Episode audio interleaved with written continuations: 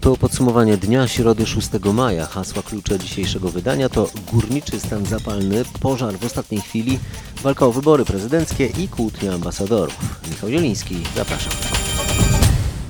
A zaczynamy od bilansu pandemii w Polsce. Prawie 15 tysięcy potwierdzonych przypadków i 733 zgony, a na świecie ponad 3 miliony 700 tysięcy potwierdzonych zachorowań i 260 tysięcy zgonów.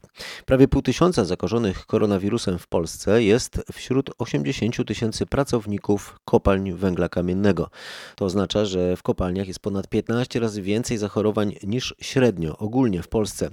Gdyby w całej polskiej populacji potwierdzone zakażenia zdarzały się tak często, y, co w kopalniach, to mielibyśmy w naszym kraju jakieś 230 tysięcy zarażeń, a więc więcej niż w Hiszpanii, czy znacznie ludniejszych od Polski Włoszech. Innymi słowy, wśród górników jest wyjątkowo dużo zarażonych, a ogniskami stały się zakłady wydobywcze w Rybniku, Katowicach, Gliwicach czy Bytomiu. A na węglu oparta jest polska energetyka. W czwartek na Śląsku ruszają więc dodatkowe testy, o czym opowie z Katowic Anna Kropaczek. W ciągu kilku dni kilka tysięcy testów. Próbki będą pobierane w różnych miejscach w regionie i trafią do laboratoriów poza województwem śląskim, tak by nie obciążać tych pracujących na miejscu. W przyszłym tygodniu mają też zacząć działać kolejne laboratoria na Śląsku. Główny inspektor sanitarny Jarosław Pinkas zapowiedział też, że na Śląsk przyjadą specjaliści epidemiologii z innych części kraju, w których nie ma znaczącego wzrostu zakażeń. Mają wspomóc pracowników śląskiego sanepidu. Telefony w rybnickim sanepidzie urywały się, bo to właśnie w kopalni Jankowice w Rybniku jest największe ognisko koronawirusa w polskiej grupie górniczej. Zakażenie potwierdzono już u około 200 osób z tego zakładu. Wkrótce ruszyć ma dodatkowa infolinia dla pracowników PGG. Przy telefonach dyżurować będą lekarze stażyści z Wojewódzkiego Szpitala Specjalistycznego nr 3 w Rybniku. Będą m.in. udzielać porad medycznych. PGG zorganizowała też karetki wymazowe. W Jankowicach pracują w tej chwili trzy, a od jutra dwie kolejne skierowane zostaną do katowickiej kopalni Murcki Staszic, gdzie jest jest drugie co do wielkości ognisko koronawirusa w polskiej grupie górniczej.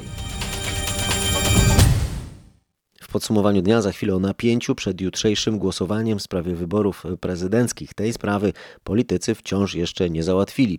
Podobnie jak sprawy składowisk śmieci, często sprowadzanych z zagranicy. Bywa, że przez osoby, które okazują się być potem tylko słupami. Jak wiemy, takie składowiska bardzo często płoną. Nasz reporter informował e, w środę, że niedawny ogromny pożar na składowisku takich niebezpiecznych odpadów w Sitkówce Nowinach, niedaleko Kielc, wybuchł dzień przed zakończeniem procedury ofertowej prowadzonej prowadzonej przez starostwo powiatowe procedury dotyczącej utylizacji tych chemikaliów. Przedstawiciele kieleckich wodociągów alarmują, że może dojść do skażenia wód gruntowych nawet na kilkadziesiąt lat. Marek Wiosła o tym, ile miało kosztować zniszczenie znajdujących się tam substancji. Z danych starostwa powiatowego w Kielcach wynika, że utylizacja znajdujących się tam chemikaliów miałaby kosztować 22 miliony złotych. Kosztem tej utylizacji obarczony zostałby ich właściciel. Co ciekawe, dzień przed zakończeniem procedury ofertowej 19 kwietnia, kiedy kiedy znana już była wysokość utylizacji na terenie, gdzie składowane były chemikalia, pojawił się pożar. W Kielcach ogłoszono wtedy stan zagrożenia chemicznego. Gaszenie pożaru zajęło prawie dwa dni. Mimo, że za utylizację odpadów nie będzie trzeba teraz zapłacić, to miliony złotych będzie trzeba wydać na rekultywację tego terenu. Dodatkowo kieleckie wodociągi alarmują, że groźne substancje mogą wpłynąć do wód gruntowych i skazić je nawet na kilkadziesiąt lat. Najbliższe ujęcie wody znajduje się tylko kilkaset metrów od pogorzeliska.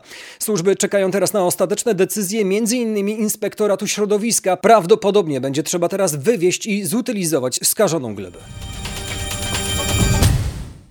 Sejm ma w czwartek podjąć decyzję w sprawie wyborów korespondencyjnych. Wybory zatem za trzy dni, czy za dwa tygodnie, a może za trzy miesiące, jeśli prezydent podałby się do dymisji, albo jeśli rząd podałby się do dymisji. Przez cały dzień nasilały się spekulacje dotyczące głosowania.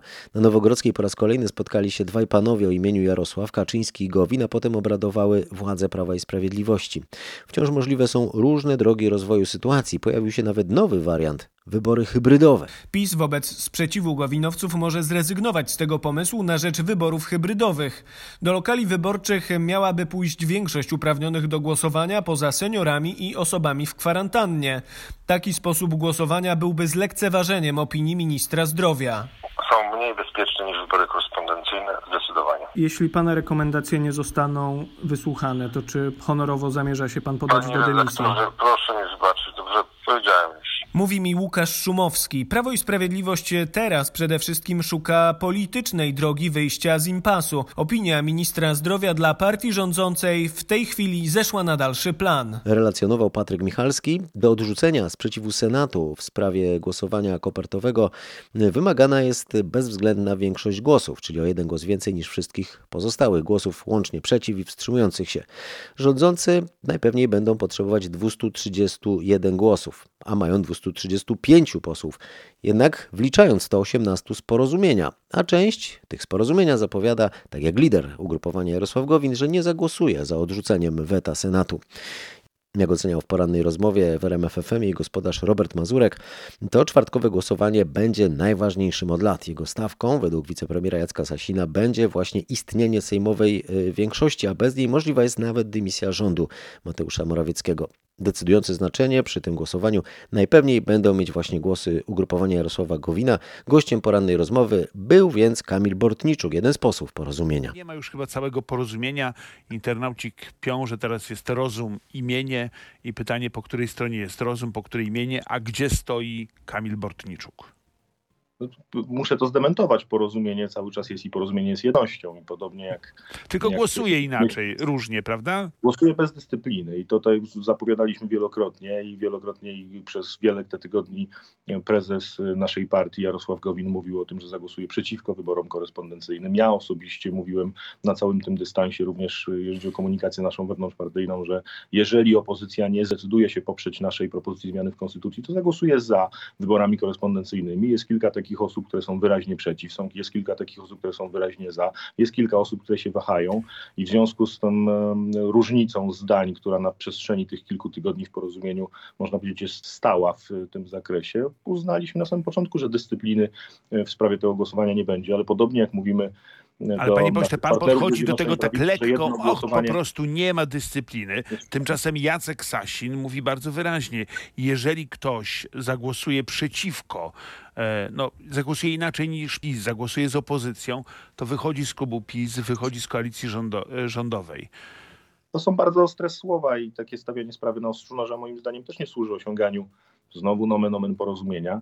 E, I podobnie jak uważam, że takie stanowisko jednoznaczne naszego głównego koalicjanta, że zagłosowanie w, jednej sprawie miałoby przekreślać pięć lat, e, jednak stosunkowo e, i co do zasady harmonijnej współpracy w ramach No Zjednoczonej nie, ale sam pan doskonale wie, że Tak PiS się uznał tę zgadzam. sprawę za najważniejszą od lat. To Jeżeli... zaraz, za, zaraz przejdę do tego dlaczego, natomiast chciałem powiedzieć drugie, y, dru, drugą część y, tamtego zdania, że podobnie u nas w porozumieniu nie ma podstaw, żeby wewnątrz porozumienia, żeby tak kategorycznie tę sprawę stawiać na ostrzu noża i aby decydować, że jak ktoś zagłosuje za, to jest dobry, jak ktoś zagłosuje przeciw, to jest zły. Po prostu mamy w tym temacie różne zdania. To Natomiast proszę mi powiedzieć, także ilu posłów, czy pan wie, ilu posłów porozumienia zagłosuje tak jak opozycja? Ilu posłów porozumienia sprzeciwi się PiSowi? Nie wiem, a nawet gdybym y, wiedział, to nie jestem od tego, żeby przed aktem głosowania o tym informować. Będą wyniki głosowania i Państwo zobaczycie, kto jak zagłosował. E, Cała rozmowa jest na rmf24.pl, a teraz z poziomu polskiej polityki przeskakujemy na poziom największej światowej polityki. W sporze między Waszyngtonem i Pekinem, o którym codziennie mówię w podsumowaniu dnia, polem otwartego starcia stała się Polska. Chiński rząd jest odpowiedzialny za kryzys na całym świecie i żadne kłamstwa tego nie zatuszują, napisała na Twitterze Georgette Mosbacher, ambasador Stanów Zjednoczonych w Polsce. Komunistyczna Partia Chin tuszowała istnienie wirusa, blokuje dostęp do naukowców i robiła zapasy środków medycznych, jednocześnie ukrywając informacje, dodała ambasador. E, A przedstawiciel Chin w Polsce pisze: Szukanie kozła ofiarnego i oszczerstwa nie zatuszują niekompetencji pani rządu i nie uratują istnień ludzkich. Proszę oszczędzać energię na opanowanie pogarszającej się sytuacji w USA i zrobić coś pozytywnego dla wszystkich e, na świecie. Napisał na Twitterze chiński ambasador. Ten spór jest polską odsłoną słownych starć między Waszyngtonem i Pekinem. Trump twierdzi, że wirus wydostał się z laboratorium w Wuhanie i że są na to dowody. Amerykańskie służby, które badają sprawę o dziwo, m, przyznały, że takich dowodów jednak nie ma. Trump chce ukarać Chiny cłami. Chiny oskarżają Trumpa o to, że chce natomiast zbić kapitał polityczny i że ratuje swój wizerunek po tym, jak przez długi czas bagatelizował epidemię i zapewniał, że jego kraj jest przygotowany do walki z pandemią. Rzecznik MSZ Chin oskarżył natomiast amerykańskie wojsko, twierdząc, że to żołnierze przywieźli COVID do Chin. Nieoficjalnie mówi się, że Trump jest zirytowany, bo świat teraz o pomoc prosi Chiny, które masowo produkują choćby środki ochronne i zarabiają na tym mnóstwo pieniędzy w sytuacji, kiedy w USA lawinowo rośnie bezrobocie. Z Waszyngtonu Paweł Żuchowski. Otwarta niechęć na oficjalnych kontach na Twitterze między przedstawicielami dwóch mocarstw w naszym kraju narasta od drugiej połowy kwietnia. Amerykański ambasador w Polsce 17 kwietnia w wywiadzie prasowym zaapelowała, by Polska jako sojusznik Stanów Zjednoczonych nie dopuściła do udziału chińskich firm w budowie sieci 5G w Polsce. Dzień później po rozmowie prezydentów e, Andrzeja Dudy i Donalda Trumpa Biały Dom dziękował polskiemu prezydentowi za działanie na rzecz bezpieczeństwa sieci 5G w Polsce. Kilka dni temu przetargi na częstotliwości nowego internetu zostały anulowane, więc budowa sieci może opóźnić się o wiele miesięcy. Z kolei kadencja szefa Urzędu Komunikacji Elektronicznej, który nadzoruje ten cały proces, została skrócona. To polityczne prześlenie w Polsce, które jutro może się okazać znacznie poważniejsze niż dziś, przychodzi, o czym wiemy aż za dobrze, w czasie wyjątkowego wyzwania dla państwa. Według e, oceny Komisji Europejskiej produkt krajowy brutto Polski skurczy się w tym roku o 4,3%. To w kraju przyzwyczajonym, przygotowanym na kolejny rok raczej 4% wzrostu oznacza wręcz katastrofę a owe minus 4,3% to i tak najniższy prognozowany spadek wśród krajów Unii Europejskiej. Więcej na temat prognoz Komisji Europejskiej e, od Krzysztofa Berendy. Zacznijmy od Polski. W tym momencie, według Brukseli, mamy właśnie teraz najsilniejsze uderzenie kryzysu, bo według komisji okres od początku kwietnia do końca czerwca przyniesie spadek gospodarczy aż o 8,2%. Tego jeszcze w najnowszej historii Polski nie było. Latem zobaczymy spadek gospodarczy w Polsce o 5,7%, a w końcówce roku o 4,3%. Nasza gospodarka ma wyjść na plus dopiero w połowie przyszłego roku. Do tego czasu, jak prognozuje komisja, bezrobocie wzrośnie nam dwukrotnie i mocno wystrzeli zadłużenie. Ale, żeby nie było tak źle, te prognozy komisji dają jednak pewną nadzieję. Po pierwsze, zdaniem Brukseli w przyszłym roku uda nam się odrobić tegoroczne straty gospodarcze. Po drugie, będziemy w tym roku najlepsi w Europie. To oznacza, że będziemy mieli najmniej dotkliwą recesję w całej Unii, bo dwa razy gorzej niż u nas będzie w Niemczech. Mocna recesja czeka także Francję. Najwięcej stracą Grecy, Hiszpanii i Włosi. Tam spadek gospodarczy ma wynieść prawie 10%. To dlatego, że to są kraje uzależnione od turystyki, no a przecież o zagraniczne wakacje w tym roku może być bardzo ciężko. O wakacjach jeszcze powiemy, a teraz odnotujmy, że rząd zauważył spadek liczby firm, które poddają się w walce z koronakryzysem. Wicepremier Jadwiga Emilewicz podała, że zmniejsza się liczba przedsiębiorstw, które wyrejestrowują się albo zawieszają działalność. Y, to z całą pewnością skutek działania ulg, choćby w płaceniu ZUS, czy pompowania pieniędzy w gospodarkę w ramach programów pomocowych, w tym w ramach rozkręcającej się dopiero tarczy finansowej. Na ta tarcza y, polega na tym, że dziesiątki miliardów złotych wydrukowanych przez NBP ma trafić do mikro, małych i średnich firm w postaci częściowo bezzwrotnych pożyczek. Skoro mowa o kreacji dodatkowego pieniądza, ostry atak na niemiecki Trybunał Konstytucyjny przypuścił czołowy dziennik świata finansów Financial Times, który skrytykował niemieckich sędziów za wczorajszy wyrok w sprawie dodruku pieniędzy w strefie euro. Jak mówiłem we wczorajszym podsumowaniu dnia, sędziowie Trybunału Konstytucyjnego Niemiec w Karlsruhe odrzucili wyrok TSUE, czyli Najwyższego Sądu Europejskiego w tej sprawie. W ramach wyroku niemiecki Trybunał Konstytucyjny wymaga uzasadnienia dla programu dodruku pieniądza w ostatnich pięciu latach i orzeka, że jeśli ten dodruk okaże się być nieproporcjonalny do potrzeb, to udział niemieckiego banku centralnego w tym programie całej strefy euro prowadzonym przez Europejski Bank Centralny okaże się być niekonstytucyjny. Według Financial Times taki wyrok niemieckiego Trybunału jest niebezpieczny i podważa kompetencje Europejskiego Banku Centralnego i to w czasie, gdy ten wypuszcza na rynek kolejne biliony euro, które mają ratować gospodarki w czasie koronakryzysu. Jeszcze o pieniądzach. W poniedziałkowym podsumowaniu dnia wspomniałem o raporcie brytyjskiego banku Lloyds o spodziewanym spadku cen nieruchomości w Wielkiej Brytanii. Coraz więcej wskazuje na to, że z takim ruchem na rynku możemy mieć do czynienia wkrótce również w Polsce. Mamy bowiem sporą zapaść na rynku kredytowym. W kwietniu Polacy chcieli pożyczyć w bankach o prawie 28% mniej pieniędzy niż rok temu o tej porze, a liczba osób wnioskujących o kredyt spadła aż o 35%, poinformowało Biuro Informacji Kredytowej. Powodem jest podniesienie wymogów przez banki, głównie y, tego wymogu dotyczącego wkładu własnego kredytobiorcy. Banki podnoszą poziom z 10 do nawet 30% ceny zakupu nieruchomości.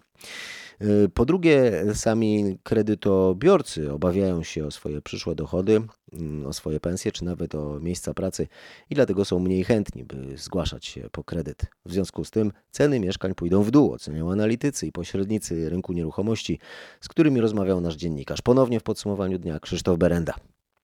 Spodziewajmy się, że ceny sprzedawanych mieszkań wkrótce spadną o kilka, może nawet 10%. To dlatego, że ruch na rynku jest teraz bardzo słaby. Obecnie kupując mieszkanie można utargować przeciętnie 4-5%, więc można się spodziewać, że ten odsetek będzie wyższy w przeciągu kolejnych miesięcy. Mówi analityk rynku nieruchomości Marcin Jańczuk z firmy Metro House. Ktoś mógłby pomyśleć, że ta mniejsza skłonność do kupowania własnego M wywinduje ceny najmu mieszkań. Otóż nic bardziej mylnego. Czynsze za najem już spadają o kilkanaście procent. Część mieszkań zwolniło się, wiele osób oddało klucze przeniosło się do swoich rodzinnych miejscowości na czas kwarantanny. I ta sytuacja ma jeszcze długo potrwać. Pośrednicy na rynku nieruchomości już mocno odczuwają koronakryzys. Wielu już na wstępie negocjacji proponuje obniżkę prowizji o połowę, ale na przykład w gabinetach stomatologicznych ruch jest odwrotny. Nadzwyczajne koszty pokryć ma klient, to znaczy pacjent. Wczoraj sam byłem u dentysty i ze zdziwieniem dowiedziałem się, że muszę zapłacić 100 zł za maseczkę, rękawiczki, kombinezony, za czas potrzebny na odkażanie, za środki do dezynfekcji. Gabinety takie środki muszą kupować same, znikąd ich nie dostajemy. Trzeba też dezynfekować cały gabinet, mówi Marzena Dominiak z Polskiego Towarzystwa Stomatologicznego. Ze względu na czas, w którym poświęcany jest dla przygotowania gabinetu, na rodzaj środków, które są użyte, środków ochrony osobistej, są to warunki, które wpływają niestety na wzrosty cen w obrębie wykonywanych procedur w gabinetach stomatologicznych. W przerzuceniu kosztów zmniejszonego ruchu i dodatkowych środków ostrożności na klientów niektórzy nie mogą jednak nawet marzyć bo nie mają klientów. Dotyczy to właścicieli restauracji, hoteli czy sklepów z pamiątkami. Hotele mogą być co prawda otwarte od poniedziałku, ale jak mówią hotelarze, nie mieli dość czasu na przygotowanie i na razie zainteresowanie jest znikome. W uzdrowiskowym dolnośląskim mieście Dusznikach Zdroju przekonał się o tym nasz reporter Mateusz Czmiel. Niestety nie udało mi się spotkać ani jednego turysty. Będąc tu można odnieść wrażenie, że jest to wymarłe miasto. Jestem teraz w najbardziej turystycznej dzielnicy Dusznik. Jest to wiele hoteli, restauracji czy sklepów z pamiątkami. Na większości wiszą kartki z napisem przepraszamy, zamknięte do odwołania lub nieczynne. Jedynie przy hotelach widać mały ruch, gdzie powoli trwają przygotowania do otwarcia. Ogłoszenie otwarcia hoteli zostało troszeczkę za późno. De facto zostało nam 4 dni. Trzeba zainstalować pojemniki, zabezpieczyć recepcję, pozyskać te wszystkie rzeczy. Po prostu to był za krótki okres, więc jesteśmy jakby w fazie pozyskiwania i ruszamy właściwie dopiero od piątku. Usłyszałem od Violetty Onyszczuk, właścicielki jednego z hoteli, która dodała, że powoli zaczynają dzwonić też pierwsze osoby zainteresowane noclegiem. Przykre to jest, ale co my zrobimy? Siła wyższa. Kiedykolwiek widziała Pani właśnie tak puste duszynki, tak spokojne? Nigdy. Nas to zawsze tętniło mocno życiem. Naprawdę piękne miasto i w ogóle ludzie są fajni. Turystycznie umarło całkiem, proszę pana. Nie ma życia w nim. Duszniki są podzielone, jest zdrój jest miasto. W mieście są mieszkańcy, w zdroju nie ma nikogo. Branża turystyczna prosi więc rząd o to, by w tym roku zdjąć podatek VAT z usług turystycznych. A ratunek może też przyjść za zachodniej granicy. Na razie nie ma mowy o wizytach niemieckich turystów, ale władze w Berlinie zapowiadają zniesienie dużej części obostrzeń. W planach są stopniowe otwarcie przedszkoli szkół, wszystkich sklepów, w tym również wielkopowierzchniowych, lokali gastronomicznych oraz hoteli. O konkretnych terminach otwarcia zdecydować mają kraje związkowe. Część władz landowych już zapowiada wznowienie zajęć szkolnych i otwarcie sklepów od poniedziałku 11 maja. A w drugiej połowie maja wznowione mają być rozgrywki pierwszej i drugiej piłkarskiej Bundesligi, przekazała kanclerz Angela Merkel. Kiedy dokładnie ruszą rozgrywki? O tym Paweł Pawłowski z redakcji sportowej. Dokładną datę władze ligi mają wyznaczyć dopiero jutro. Pod uwagę brany jest 15 i 22 maja. Mecze będą odbywać się oczywiście bez udziału kibiców. Nieoficjalnie wiadomo, że pomysł szybkiego wznowienia ligi nie wszystkim się podoba. Przedstawiciele Bremy mieli wyrazić niezadowolenie, bo tamtejszy Werder nie wrócił jeszcze do treningów, stąd wątpliwość, czy nadrobi zaległości w stosunku do innych trenujących już klubów. Nie nudzi się Robertowi Lewandowskiemu, kapitan reprezentacji Polski i piłkarz Bayernu Monachium, został po raz drugi ojcem. Jemu i jego żonie Annie urodziła się druga córka, która otrzymała imię Laura. Cześć maluszku, witaj na świecie. Lauro, dobra robota mamusiu, napisał w sieci 31-letni napastnik. A 14 klubów polskiej ekstraklasy ma zgodę na grupowe treningi. Do wieczora w środę, y, kiedy nagrywam ten podcast, większość zespołów otrzymała już wyniki dodatkowych testów y, na obecność koronawirusa wśród wyznaczonych osób. Do 20 PZPN udzielił zgodę prawie wszystkim klubom oprócz Korony Kielce i Lechii Gdańsk. Zezwolenie na grupowe zajęcia ma zatem już m.in. Pogoń Szczecin, gdzie reżim sanitarny jest rygorystycznie przestrzegany. Pomimo wykonanych już testów i ich negatywnych wyników, wszystkie przebadane osoby pozostają w procesie izolacji i realizują plan powrotu PKO Ekstraklasy na boiska. W związku z tym wszystkie treningi klubu są zamknięte dla osób spoza listy izolacyjnej. Mówił rzecznik portowców Krzysztof Ufland. Z dobrych e, wyników e, testów cieszą się też w Krakowie, gdzie zaplanowane są już treningi. 14-osobowych, 13 sportowców i jeden trener. Natomiast od 10 maja już będziemy mogli rozpocząć treningi całej grupie, tak? Jeżeli chodzi o wszystkich sportowców. Mówi rzecznik pasów Przemysław Staniek, a teraz o innych widowiskach. Na czas pandemii teatry przeniosły swoją działalność do świata wirtualnego. Kiedy sytuacja się unormuje i widzowie znów będą oglądać artystów na scenie, internetowe rozwiązania wcale nie muszą zniknąć. To dodatkowy i doceniany nie tylko przez widzów kontakt ze sztuką. To jest dobry kierunek, żeby taka forma na stałe zagościła w naszym teatrze, no bo widzimy, co się dzieje. No, kto wie, czy taka sytuacja nie spotka nas za jakiś czas. Nie mówisz o nawrocie wirusa, ale no, różne mogą się wydarzyć sytuacje i to jest taka nauczka dla nas, żeby być na to gotowym. I może taki nurt obok naszego głównego nurtu, obok sceny, to jest na tyle ciekawe, że, że wydaje mi się, że warto to będzie kontynuować. Mówił Jakub Szydłowski, dyrektor artystyczny Teatru Muzycznego w Łodzi. A teraz o literaturze, a dokładniej o niecodziennej inicjatywie we Francji. Ma ona pomóc w obronie literatury przed katastrofalnymi konsekwencjami koronawirusa.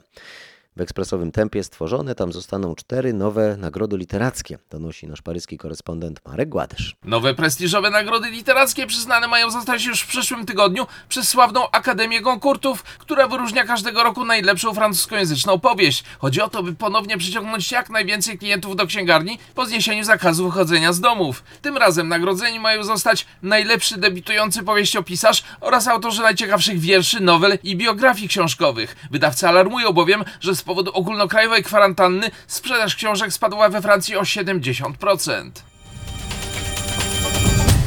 Chłodniej na południu sporo pada, a w górach śnieg. Nie tylko w Tatrach, ale nawet w Bieszczadach leży świeża, biała warstwa. Mimo tych opadów niemal w całym kraju wciąż jest bardzo trudna sytuacja hydrologiczna. Hydrolodzy ostrzegają przed zjawiskiem suszy, zwłaszcza w dorzeczu Górnej i Środkowej Odry oraz w zlewni Górnej Warty.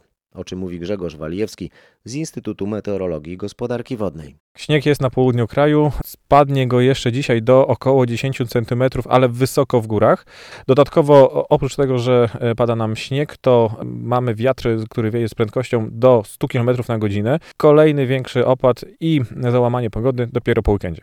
Czy w najbliższych godzinach będą takie regiony w Polsce, gdzie nie spadnie ani jedna kropla deszczu? Dziś opad deszczu właściwie będzie w całym kraju obserwowany. In, najbardziej intensywny będzie w południowo-wschodniej części kraju. Natomiast na zachodzie ten deszcz będzie przelotny i coraz słabszy. Deszcz, który obserwujemy od kilku dni, miejscami nawet intensywny, ponieważ miejscami powodował podtopienia, zalania. Jednakże nadal jest go za mało. To deficyt, który jest w tym momencie w Polsce, wynosi około od 3 tygodni do prawie 4 miesięcy. Więc tak naprawdę to jest dopiero początek opadów, które w jakimś tam stopniu bardzo lekkim poprawiają nam sytuację. Jest ich zdecydowanie za mało. W nadchodzących dniach ma jeszcze popadać. Od soboty ma być cieplej, ale nie ma na horyzoncie naprawdę komfortowej temperatury. Noce też wciąż mają być chłodne. Gorąco pozdrawiam to wszystko dziś. Zapraszam na jutrzejsze podsumowanie dnia.